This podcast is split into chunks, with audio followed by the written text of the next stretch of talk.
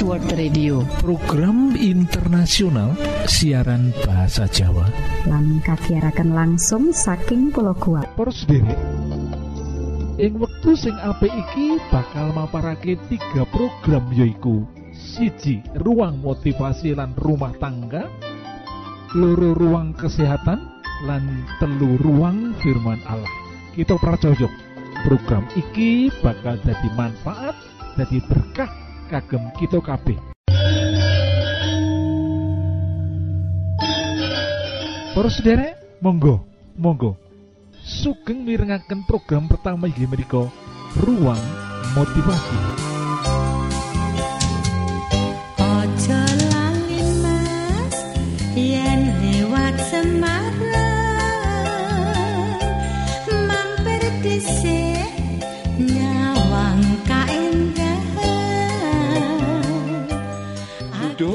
Motivasi ing wektu iki yaiku cara ngatasi hilangnya rasa dibutuhkan lan ilangi rasa dadi wong penting bagian sing kepapat.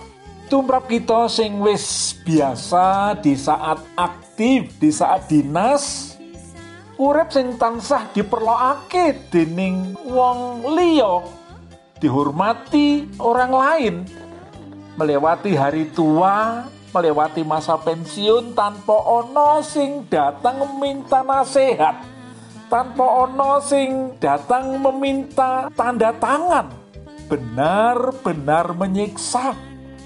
Iki benar-benar menyakitkan loh. Iki bener-bener gawe frustrasi lan bener-bener menyedihkan loh para sederek lah berikut ini badhe dipaparake cara ngatasi rasa ora dibutuhake lan ora dianggap penting iki. Sepisan maneh iki bagian sing kepapat. Kita coba mereview bagian pertama kedua lan ketiga. Saat durunge kita mau bahas yang bagian yang keempat. Cara kita ngatasi rasa ora dibutuhake lan ora dianggap penting waktu kita memasuki masa pensiun. Bagian pertama, kita kudu legowo menerima fakta. Fakta apa? Fakta yoiku sampai di usia tertentu kita ora bertambah bijak loh para derek. Nah ini sing kudu kita akui loh sampai di usia tertentu ternyata kita menikah mboten bertambah bijak.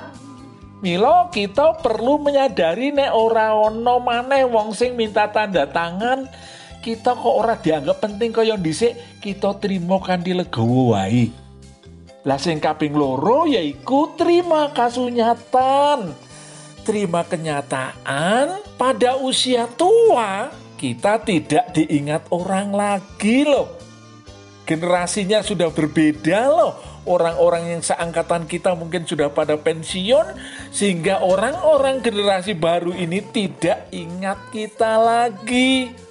Nama kita semakin jarang disebut karena sudah ada pengganti yang menduduki jabatan yang dulu kita jabat. Pekerjaan yang dulu kita kerjakan sudah ada yang mengerjakan. Nama kita semakin jarang disebut malahan sumbang kita jarang diingat orang loh para sederek. Jadi ya kita legowo wae loh para sederek. Lah sing kaping telu kita tetap pertahankan hidup berkenan di hati Tuhan. Lan ojo bertingkah loh lan tingkah kita itu membuat kita itu berdosa. Yang hanya menunjukkan bahwa kita itu masih penting. Nah saiki monggo kita bahas bagian yang keempat yaitu cara ngatasi yen masa pensiun kita itu kok seperti ora dibutuhake maneh saat pensiun kita tidak dianggap penting maneh yaitu akui keterbatasan lan alihkan tanggung jawab. Lah ini baru sendiri. Kita kudu ngakoni loh saya ini setelah pensiun keterbatasan keterbatasan itu kok sudah semakin nyata semakin jelas loh orang-orang muda semakin hebat kita ini tidak bisa mengalahkan lagi orang muda loh dan kita perlu mengalihkan tanggung jawab apakah di kantor, apakah di jemaat, apakah di tengah-tengah masyarakat, kalau kita sudah semakin tua dan kita itu sudah merasakan bahwa ada keterbatasan-keterbatasan, kita harus berani mengambil langkah. Alihkan tanggung jawab marang wong sing lebih muda. Nanti kau percaya kita kudu memberi kesempatan kepada orang yang lebih muda loh untuk mengambil alih bagian yang selama ini menjadi porsi kita. Kanti legowo, kanti sukacita para saudara. Lah ini sing kita perlu mengerteni. Wong sing jeli lan wong sing berbesar hati kanti legowo. Kanti seneng hati menerima keterbatasan dari diri kita bakal dihormati loh para saudara. Ini penting loh. Nah kita itu mengakoni dengan jeli dan berbesar hati, legowo, mengakui keterbatasan kita dan mengalihkan tanggung jawab kepada orang lain, kita itu menjadi orang yang dihormati. Senajan kita tidak sepenting masa masih muda, saat kita masih kuat, di saat usia pensiun kita tidak sepenting dulu. Nanging saran-saran kita, ide-ide kita tetap didengar oleh orang lain. Kalau kita dengan legowo berbesar hati loh, mengakui keterbatasan dan mengalihkan tanggung jawab kepada orang yang lebih muda.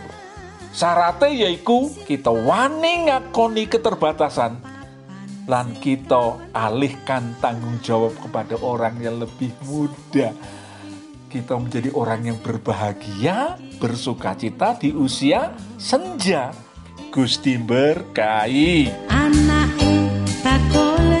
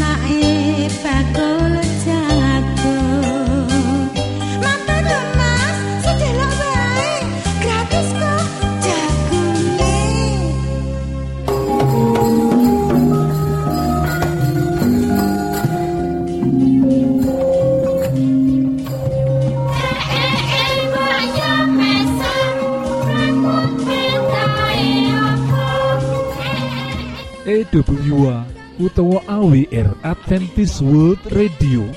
Program internasional ing Boso Jowo disiharke langsung soko pulau Guam ing satengah-tengahing Samudro Pasifik.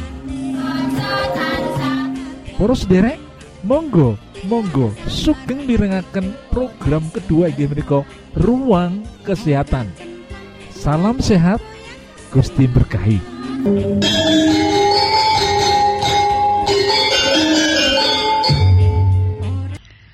Krokot lan gunane.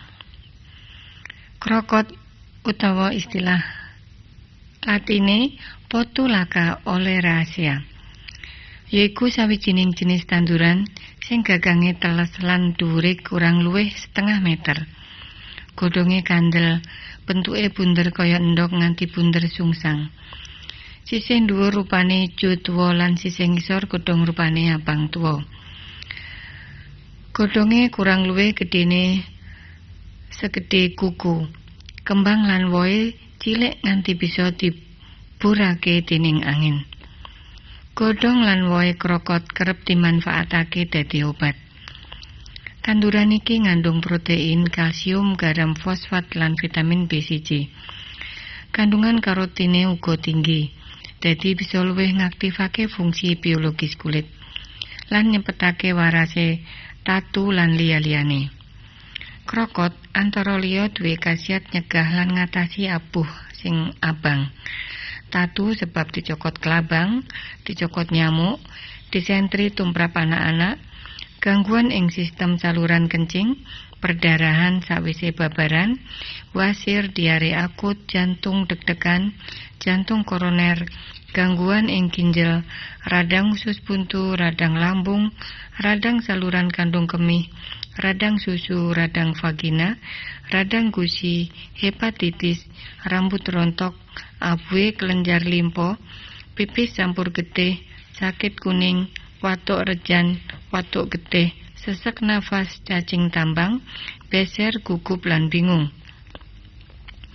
Awak krasa pegel lan loro TBC, keputihan, infeksi kulit, kukul, radang kulit, tutul-tutul putih ing kulit utawa vitiligo, botok, botak, eksim kudis, lan werna-werna penyakit kulit liyane. Sebutan liya tanduran krokot ing daerah yaiku gelang yaiku ing tanah Sunda lan krokot ing tanah Jawa rasarayan utawa ing Madura lan jalu-jalu gigi kang biasa disebut ing daerah Maluku. Iki ana sawetara sing bisa tak aturake kagem panjenengan.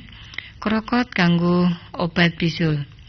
Krokot sak cukupe digodhog karo banyu sak cukupe banjur diombe kaya dene teh. Krokot kanggo borok, eksim, radang lan kulit. Krokot sing isih seger dikecek nganti halus, ditambah uyah sithik, banjur dibalur ing bagian kulit sing lara. Krokot kanggo kudis. Krokot dicampur banyu godokan Krokot dicampur banyu digodhog. Godokan krokot lan cukak beras padha jumlahe. Banjur diolesake ing kudis mau. krokot kanggo keputihan yaiku kanthi cara krokot sing isih seger jumlahe kurang luwih rong ons. Dijus utawa dikecek dicupuk banyune. Ditambah putih endok banjur ditim lan didahar yen isih panas. Lan kanggo jantung sing deg-degan patang wit krokot digiling halus ditambah setengah cangkir banyu mateng lan sak sendok makan madu. Sawise diperes lan disaring, sarine diombe sedina kaping pindho. Krokot bisa uga kanggo ngatasi beser. Yaiku kanthi cara setengah kilo krokot satu setengah on gula abang digodhog nganggo banyu sak cukupe. Sawise disaring banyune diombe. Kanggo ngatasi loro kuning utawa radang gusi. 200 gram utawa rong on krokot seger digodhog nganggo banyu sacukupe nganti banyu kari separone diombe sedina kaping telu iku bisa bantu ngatasi loro kuning lan radang gusi. Kanggo ngetelake rambut krokot digodhog nganggo banyu sacukupe nganti kental banjur digosok-gosok ing kulite sirah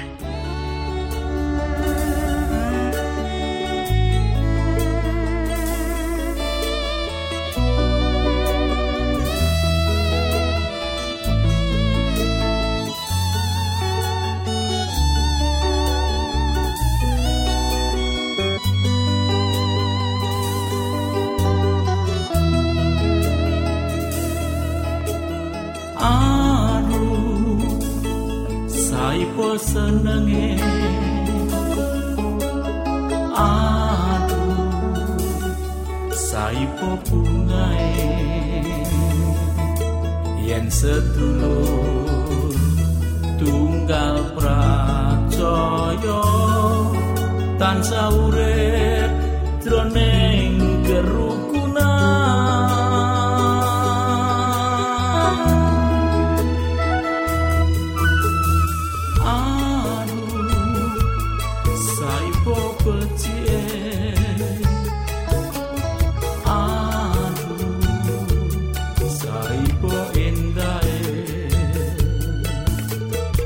Yen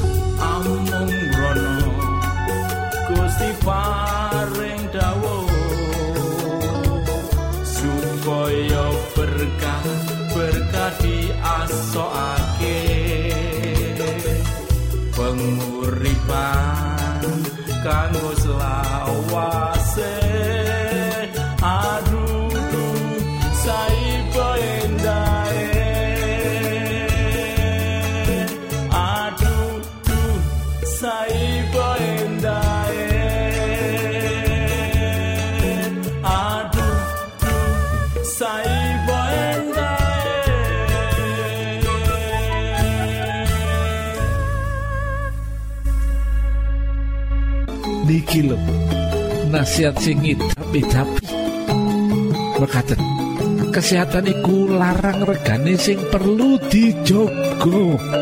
Kesehatan iku modal kita kanggo gayuh sakabehing cita-cita. Berolahraga saben dina cukup istirahat 6 nganti 8 jam sedina. Ngombe banyu putih 8 gelas saben mangano sing bergizi. Hindarkan minuman keras lan ojo ngrokok kesehatan iku modal kita kanggo gayuh sakabehing cita-cita. Angkatlah diri dan bunyikanlah Isa mau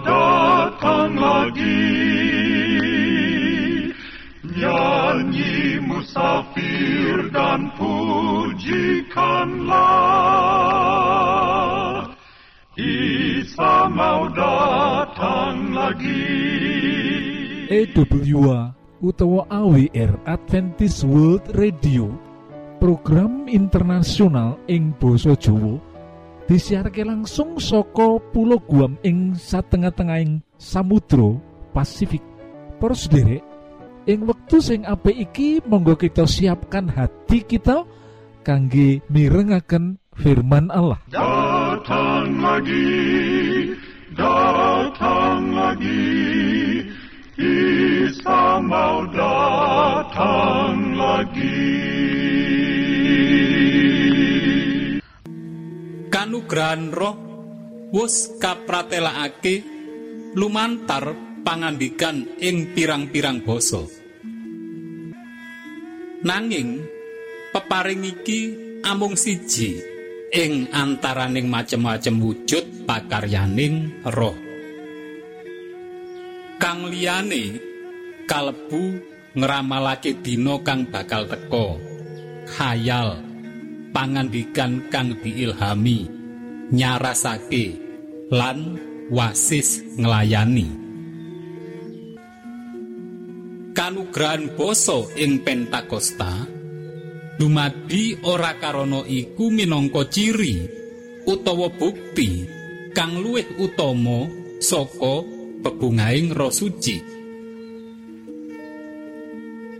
Kanugrahan iku wis dipratelakake supaya miwiti pelayanan gereja saindenging jagat yoiku timbalan kang diparingake ana ing lelakone para rasul pasal siji ayat wolu merlokake kanugrahan basa.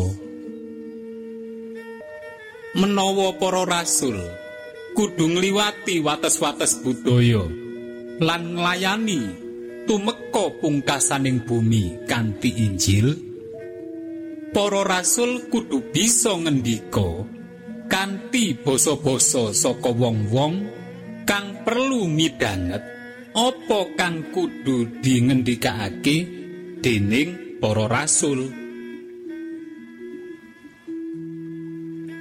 Ayo padha diwaca.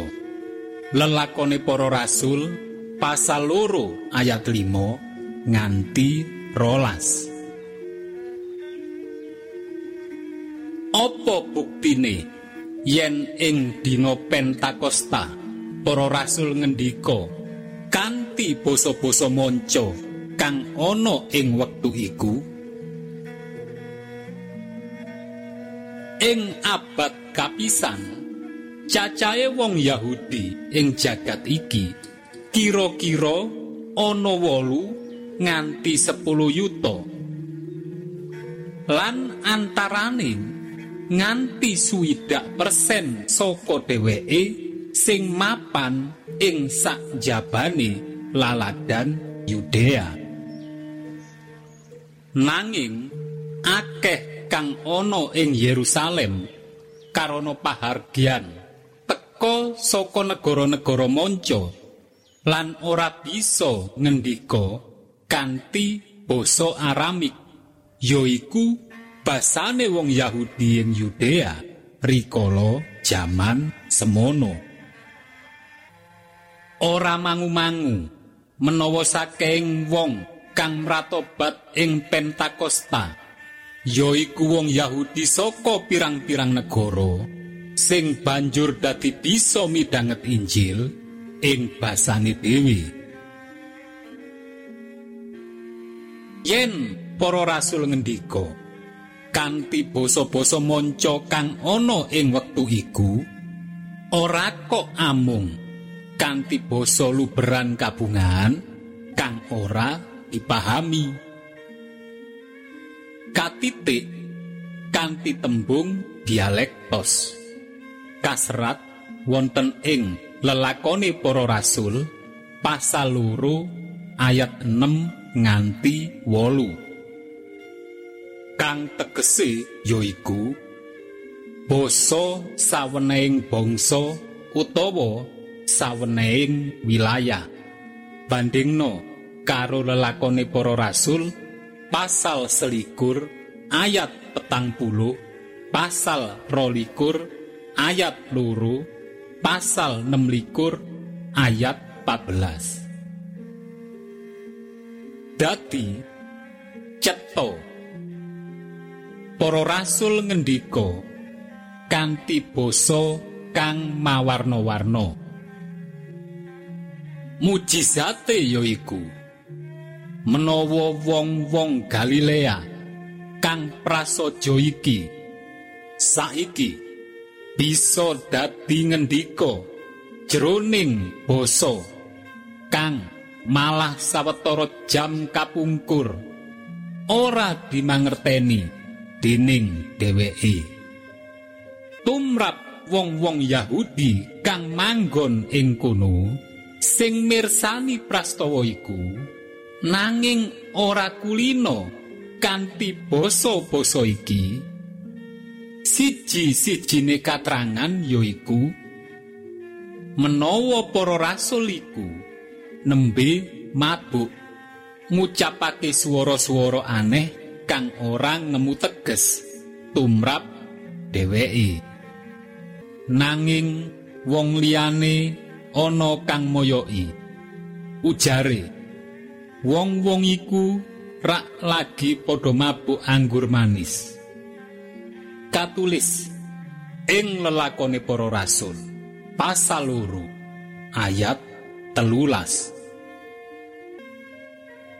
Sawijining wujud pakaryaning Allah kang kuat banget nembe kedadean ing ngarep pandulune wong akeh. Lan dheweke mikir menawa bab iku amung endem-endemang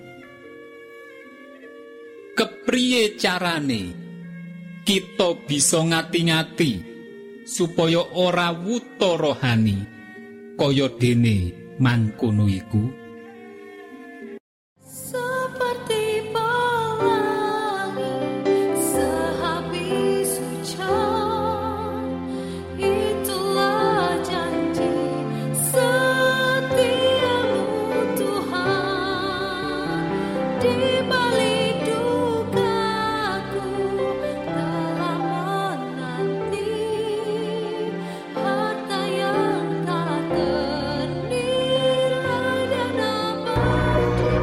Para sutresna ingkang kinasih, kula aturaken nembah nuwun sanget dene sampun nyuwun kawigatosan panjenengan sedoyo. Mugi-mugi menapa ingkang kita aturaken wonten manfaatipun kagem panjenengan sakeluargi. Lan Gusti Allah tansah paring ayo mugi kasugengan kagem panjenengan sedoyo.